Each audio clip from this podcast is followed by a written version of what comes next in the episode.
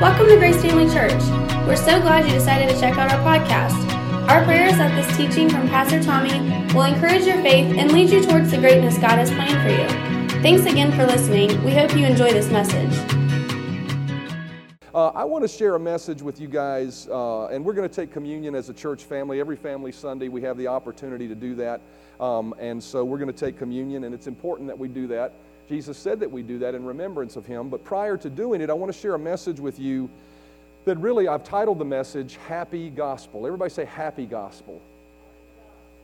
Um, and I, and I, I titled that this, uh, the message that because of some thoughts that really came to me during my personal devotional time as I was really thinking about, you know, uh, as we study and as we spend time, because last week, you know, in the last couple of weeks, we've been talking about moving up higher, and we're going to get back to one more message for that, that series next week. but for Family Sunday, as I was really praying about the specific nature of you know, this particular service, uh, I was thinking about in our own devotional times when we spend time with the Lord, what is the tone of what we hear when we're spending time with Him? You know, what do you know what I mean by the tone? Right? You know, when someone speaks to you, there's a certain tone to it.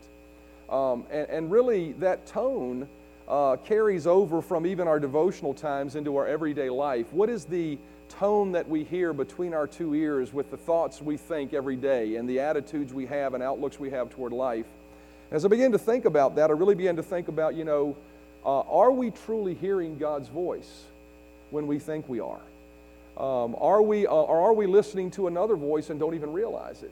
And so I've titled today's message Happy Gospel because I believe that the voice of God should always encourage us and propel us forward.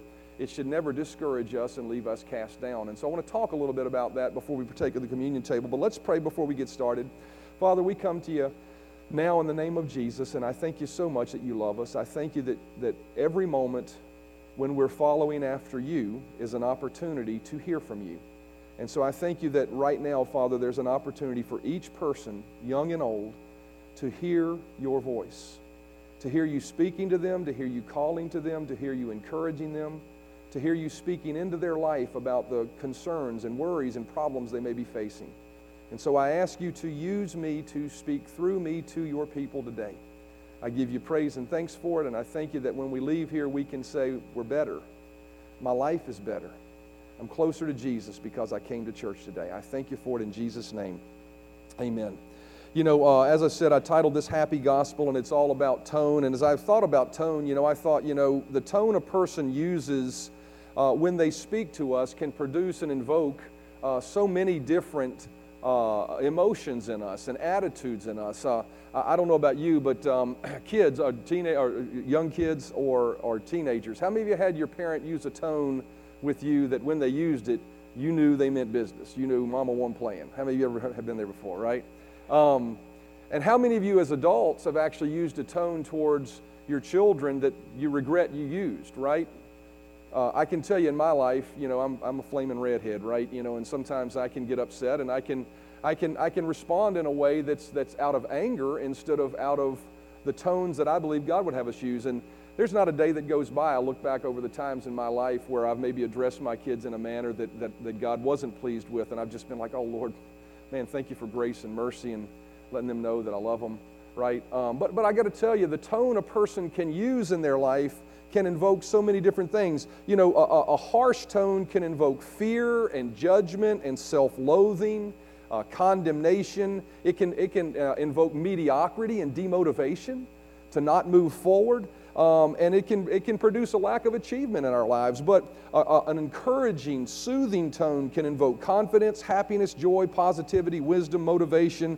All of those things come from the right voices in our life. And so the question I was really asking myself in my own devotional time was Is the voice that I hear most consistently in my life, day in and day out, is that voice the voice of God or is it not?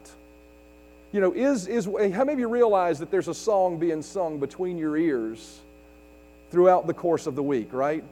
There are thoughts that you're, in, that, that you're thinking on, and there's a tone to the way you look at life, and sometimes that becomes habitual so that it's your permanent outlook on life. It's your permanent image that you have of yourself. And, and so as I think about that, and as I thought about that, you know, I, I wondered if, you know, the tones that we're hearing, the song that's being sung, the attitude that we have, and even during our devotional time, the, the glasses through which we even perceive God's Word. Are we, are we able to truly hear God speak to us? You know, how many, how many realize sometimes when you read the Word, you read it through the lens of who you are, right? But the question, you know, I was really, really contemplating within myself was, is when I'm reading the Word of God through the lens of who I am, is that really, is that lens garbling what God wants me to hear Him say to me? You know, how many realize if you make a mistake, you read the Word of God, sometimes you can read it through the voice of condemnation, even though God's, that's not what God's saying to you, right?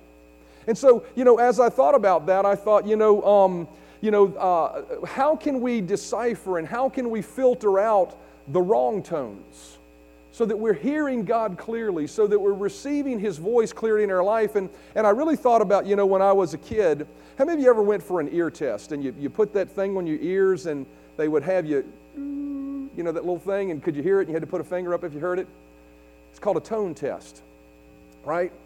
Well, I just really felt like today what I wanted to do was I wanted to share with you just four basic tone tests to help you understand and perceive God's voice in your life and to possibly even filter out maybe some things that you're hearing and listening to on a daily basis as you look at your and you have an attitude toward life that certainly are not the way God would have you think, right? He wants you to think differently. He wants the gospel, his message, his voice to you to be a happy message right and so uh, uh what i want to do is i want to apply you know these tone tests in a way that we are taking a look at the thoughts that we think the voices, not so much that our ears hear, but our inward ear hears on a daily basis. 2 Corinthians chapter 10 and verse 5 says, We take captive every thought to make it obedient to Christ. That verse tells us that we're instructed to capture our thoughts to not just let our mind run rampant, to not just think things and think that,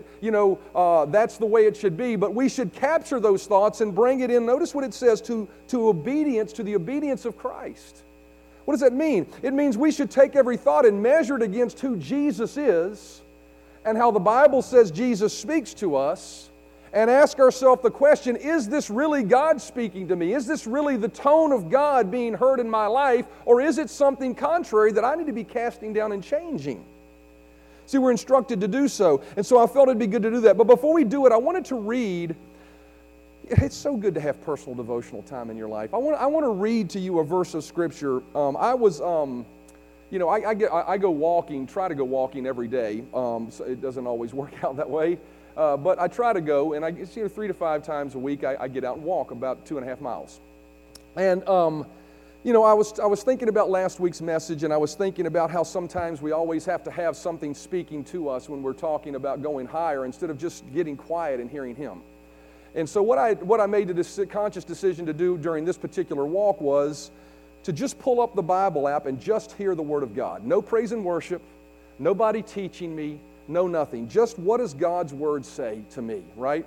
And I felt led to go to Ephesians. And as I was reading, as, as it was uh, the, the, as the, the scripture, I was listening to that scripture in Ephesians, I really thought about how this applied to today's message. And I thought about the tone of the way this sounds when you read it.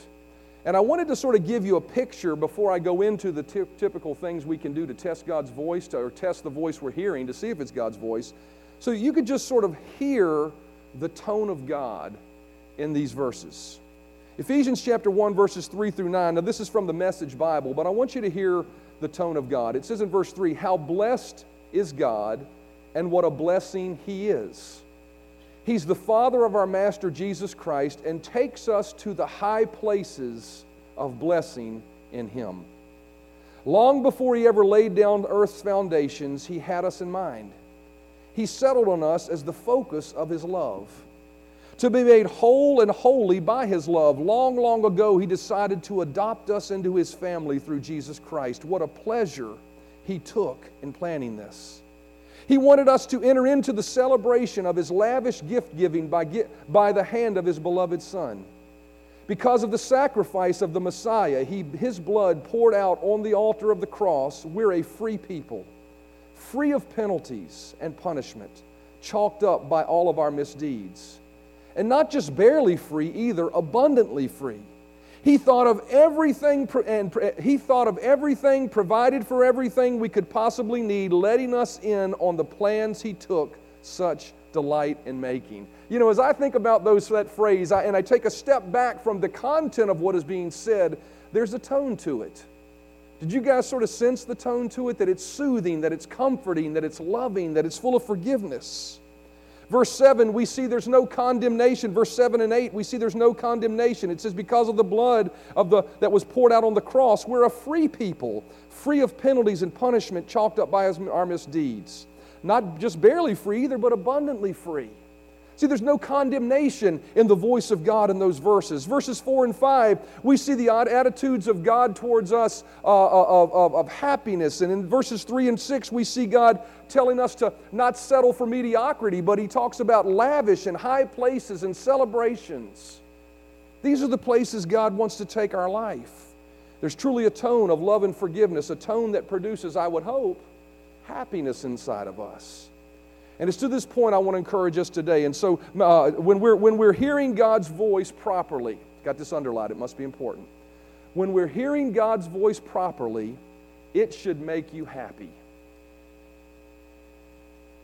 That's just, I'm going to let that one set for a minute. Because I can tell you, there have been times, even during my most intimate personal devotional times, how many realize the devil will try to climb in there just as well as anywhere else? Where I'll hear the voice of God and it doesn't bring happiness, it brings fear, it brings, it brings uh, different things. And we're going to talk about that. But the gospel, when we hear it correctly, the end result for us should be resultant in a celebratory happiness on the inside of us. Mark chapter 16 and verse 15 says, And he said to them, Go into all the world and preach the gospel to every creature. That word gospel is a word that means good news or glad tidings. We're not told to preach an angry gospel. We're not told to preach a judgmental gospel.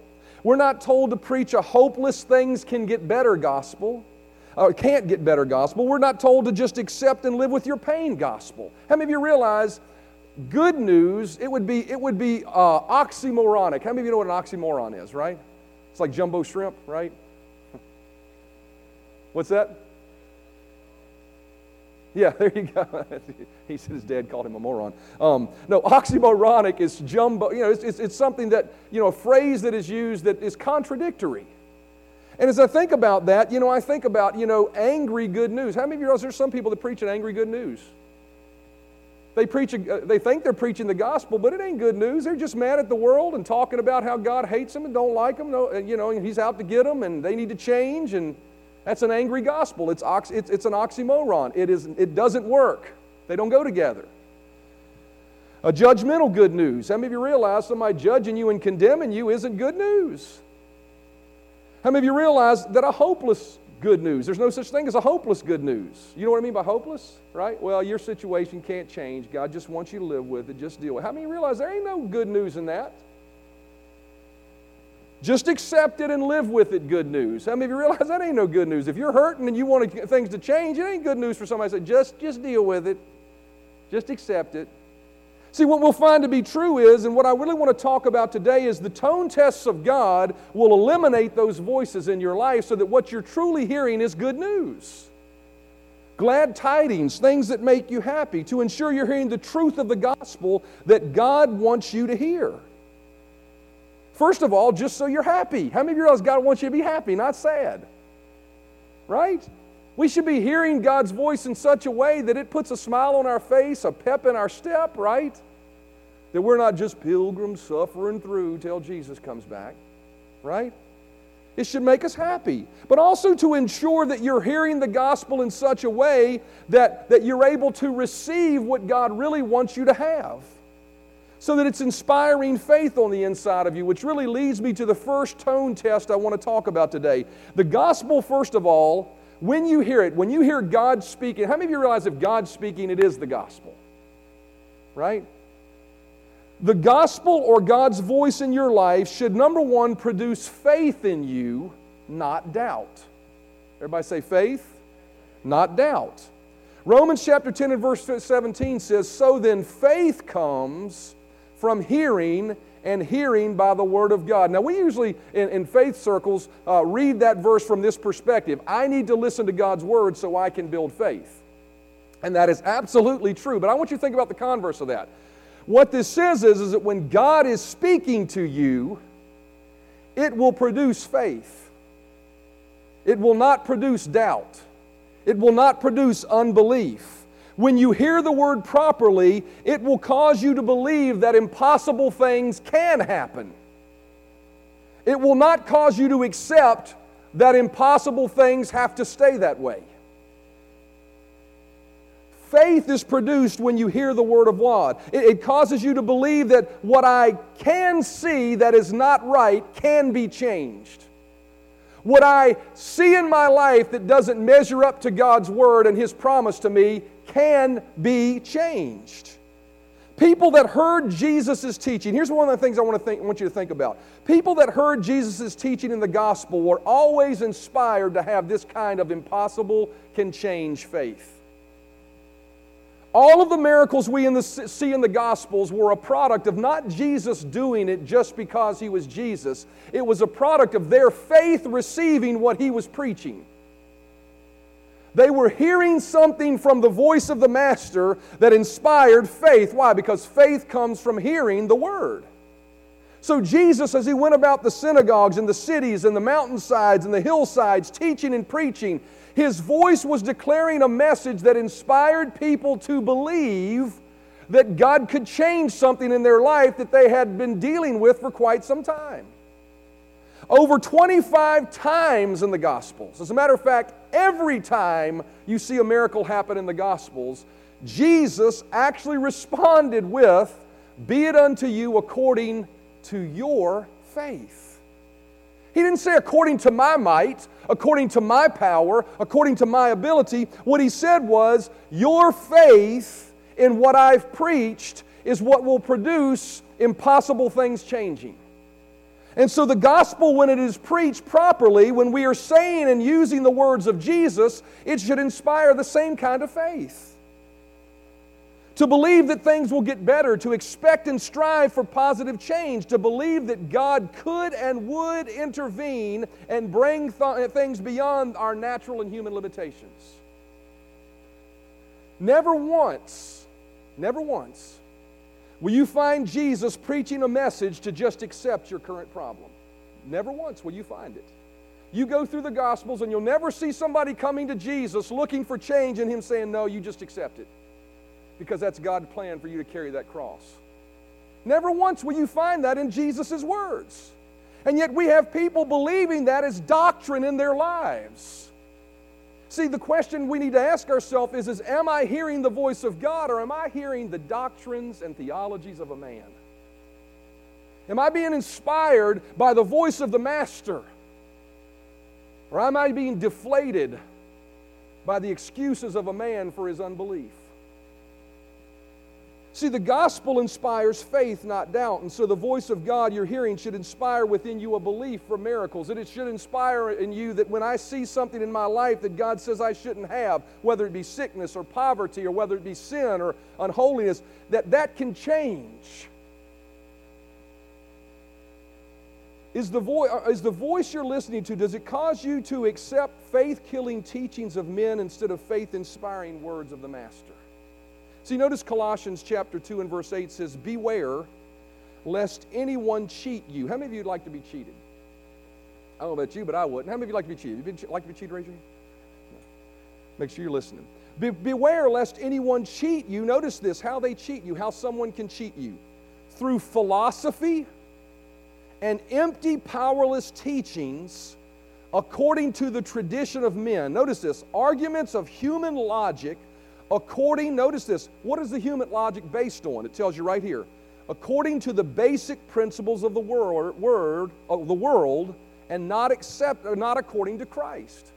See, here's what he says here. He says, Don't let someone cheat you by formula, allowing them to formulate a theology as something you should believe that is based on just the basic principles of this world. What are the basic principles of this world? How many of you realize that uh, just basic physiology, let's just take healing for example. How many of you realize basic physiology are the basic teachings of this world, right?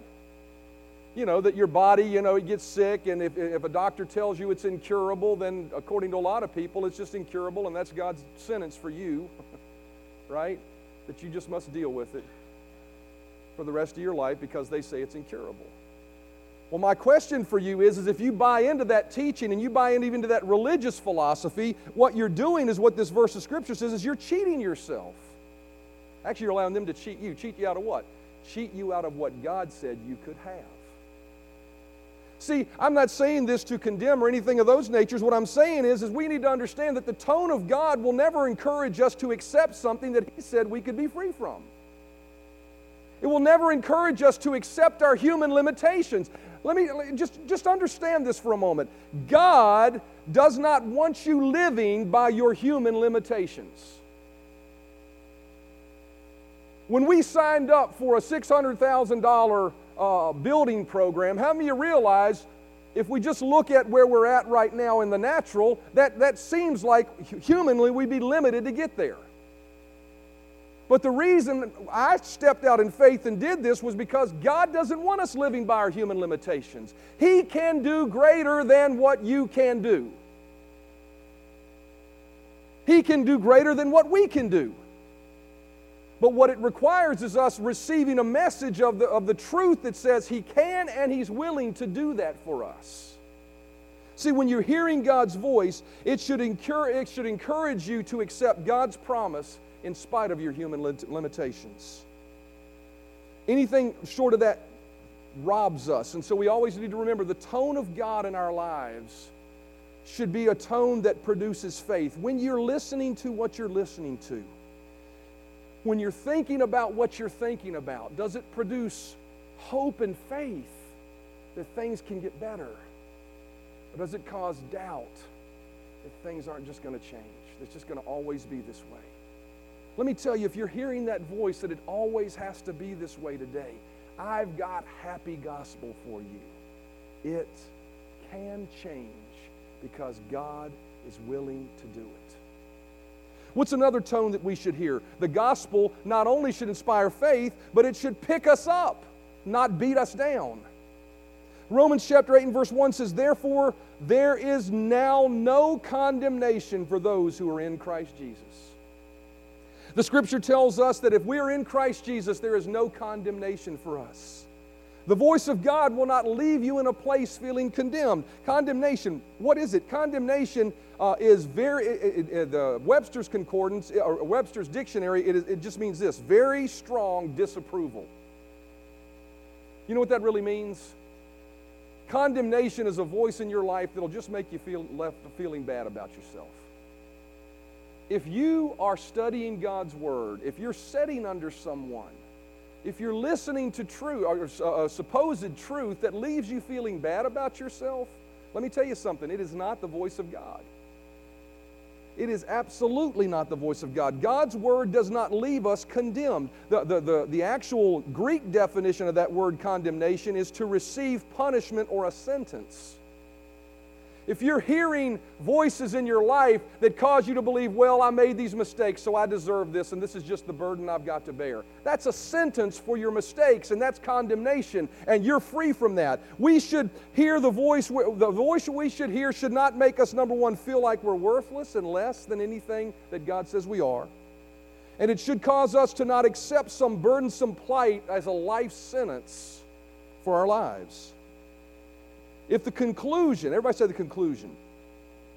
If the conclusion of your moments of conversation between you and God leave you feeling bad about yourself, you're not actually hearing God's voice, you're hearing the voice of the enemy.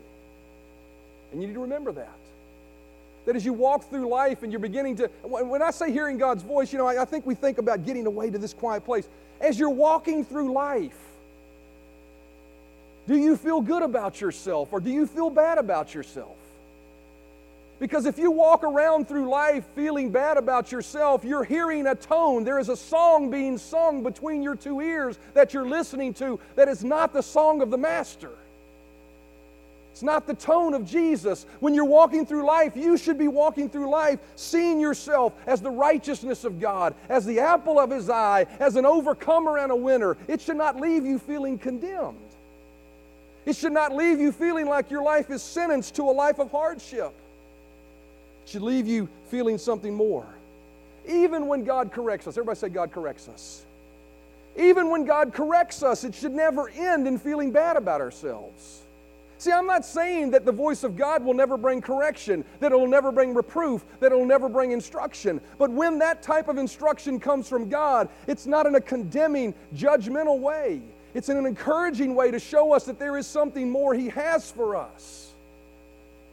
2 Timothy chapter 3 and verse 16 says, All scripture is given by the inspiration of God. What that verse actually means is, and in some translations, is it's God breathed. It's God's voice. When we read the scripture, when we study the word of God, it is, it is an inspiration of God and is profitable. It is profitable. God's voice is profitable for doctrine, for reproof, for correction, for instruction in righteousness, that the man of God, notice this, may be complete, thoroughly equipped for every good work. So when God comes even in correcting us, like last week, the thing that I, how many of you realize we were talking about going higher last week? And we talked about a lot of different things that the Bible calls sin, right? But I really encouraged you guys as you listen to those, uh, those particular things that the Bible calls out as sin, not to hear them as a condemning voice, but to hear God's beckoning voice saying, Those are the things that will rob you of the great life I have for you. He wasn't saying you're worthless because you're doing it, He's saying that this is just a better way, right? And so, even correction in our life should leave us in a position where we're feeling good. Everybody say, Make it hurt so good. You hear that song? There's a popular song, right? Come on, baby, make it hurt so, right? Sometimes love don't feel like it's you. Maybe a different context, right? But when it comes to God, when He corrects us, it should hurt so good. It shouldn't hurt so bad, right? When He corrects us, it should cause us to go, ah, I see a better way. Ah, I see a brighter future. Oh, God loves me enough to show me that. It shouldn't be, as I always say, through the bony finger of judgment, right? That we hear it. You bad thing. No, it should be, hey, look, here's a better way. And so God's voice should pick us up, not pull us down. Tone test number three the gospel should produce a shout, not a pout. Everybody say shout, not a pout. Psalm 118, verse 15 says, Shouts of joy and victory resound in the tents of the righteous. The Lord's right hand has done mighty things. The Lord's right hand is lifted high. The Lord's right hand has done mighty things. I will not die but live. I will proclaim what the Lord has done. Notice that when God is speaking, it should produce an inspiration in us, a shout within us, not a pout of defeat. His voice should jumpstart you on the inside instead of deflate you like a tire losing air. you know what I mean, right? You ever poked a hole in a tire and just, right? God's word should jumpstart you. God's voice, the, the song between your ears, when you get up in the morning, what you hear from heaven should be something that jumpstarts you and excites you about your day. Notice, notice the shout of faith that it produces. It says, In the tents of the righteous, there is a shout that takes place. What does that shout say? Notice verse 17, it says, I shall live and not die right? It's not just a shout about everything being hunky dory and everything being right. How many of you ever had things bad in your life, even maybe right now dealing with some bad stuff, right? But when you hear God's voice, it causes you to take your eyes off the bad stuff and it causes you to begin to believe in a God who can change the bad stuff. He says in that verse, I shall live. That's future tense. I shall live and will not die. What's he saying there? He's saying when, when you hear God's voice properly, it inspire you to say, I'm not going to die. I'm not going to fail. I'm not going to falter. I'm going to trust him and I'm going to make it through. I'm going to be okay. Right? God's voice will produce a shout, a victory instead of a pout. And then last of all, the gospel produces a song of good news, not the poor, pitiful me blues. Psalm 40 and verse 3 says, He put a new song in my mouth, a hymn of praise to our God. When God is speaking in our lives, it should cause us to have a happy song within us, not a song of doom and gloom. Not a song of doom, despair, and agony on me. Deep, dark depression, pain, and misery. How many of you heard that song before? When we hear God's voice properly, and, when I, and listen to me, I'm not talking about literally singing the song, I'm talking about the melody that's playing through your life. Is the melody playing between your two ears a song of happiness and joy, or is it a song of doom and gloom and the blues? Blah, blah, blah, blah, bump, another bad day.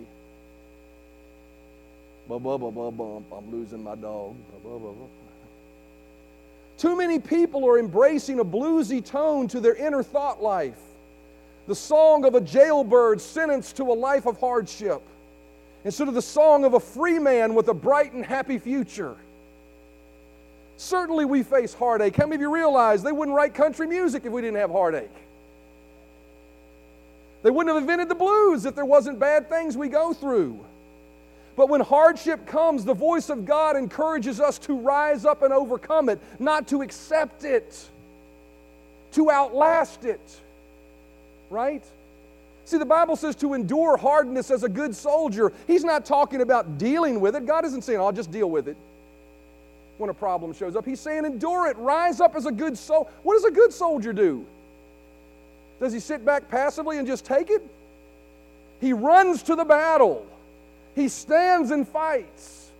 When he says endure hardness as a good soldier, he's saying endure it, outlast the attack, don't give up. See, when we hear, I mean, we're going to face problems. Jesus said you're going to face them. But what he's saying there is, and what I'm trying to get across to you this morning is just very simply this the tone of God in your life should cause a song of victory to rise within you instead of a, a, a song of defeat. And, and that's one of the questions I would ask you this morning. Is the attitude and outlook of your life one of victory and hope? Or is it doubt and defeat and despair? See, Psalm 32, verse 7 says, You are my hiding place. You will protect me from trouble and surround me. Notice this with songs of deliverance. What is deliverance? Deliverance is being set free from something right? Not songs of acceptance because you'll help me even though it hurts, although He will. God is willing to do that too. But it says that when we are, when He's truly our hiding place and we're hearing His voice, His voice will sing a song to the thoughts in our mind that says, I can deliver you, I will deliver you. If you will trust me, if you'll put your faith in my promises, I'll bring you out of this. So the voice of God should fill our hearts with a happy song we should be hearing, Oh, happy day, not the thrill is gone, right? Isaiah 51 and verse 11. I love this verse. I remember as a kid singing this, this, this chorus in church. It says, Therefore the redeemed of the Lord shall return and come with singing unto Zion. If you're redeemed of the Lord, you should come with singing unto Zion. And everlasting joy shall be upon their head. They shall obtain gladness and joy, and sorrow and mourning will flee away. The voice of the Lord should produce this kind of song in our life a happiness and a joy. And so everything from God should produce within us this, this, this, this happiness and this joy. We should be hearing happy gospel in our life. And this includes at the communion table. In just a moment, we're going to be partaking of the communion table. And even as we partake of communion, it should be a moment of happiness and joy for us. I think sometimes, if we're not careful, even the communion table, although we should approach it reverently for what Jesus did for us, I think sometimes, if we're not careful, it can take on sort of a somber regret over the sin that we've had that took Jesus to the cross when actually what God is encouraging us to do is to remember that what He did on the cross forgave us of our sins and set us free and gave us hope for a brighter future and a brighter tomorrow. The communion table should be a moment of rejoicing and happiness, right? I, can remember as a kid, and I can remember even at times as an adult, coming to the communion table and, and it being a tearful moment because I was so sorrowful for what I'd done. And, and, and repentance, godly sorrow, is a great thing. And if you have to do that today because you need to repent, because the Bible says to ask for forgiveness and He'll be faithful and just, if you need to do that, that's great.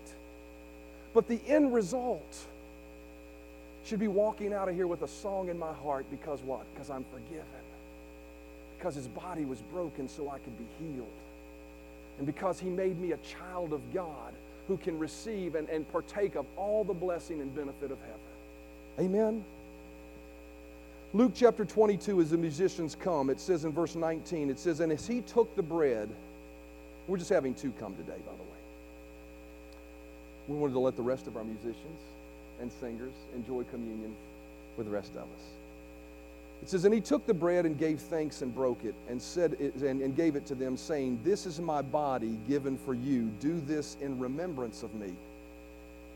In the same way, after supper, he took the cup, saying, This cup is the new covenant in my blood, which is poured out for you. The communion table should be a moment of rejoicing over what Jesus said there. What did he say there? He said, First of all, this is my body, which is broken for you. You know, I think it's interesting. The first thing he talked about was his body being broken. I even corrected that in my, I I can tell you, I've been in ministry uh, quite a while, almost 30 plus years eight, well, more longer than that, since I was 18 years old and I'm 55, so longer than that, man. Uh, almost 40 years now. Um, but that being said, the voice of God says I'm not old, I'm still young.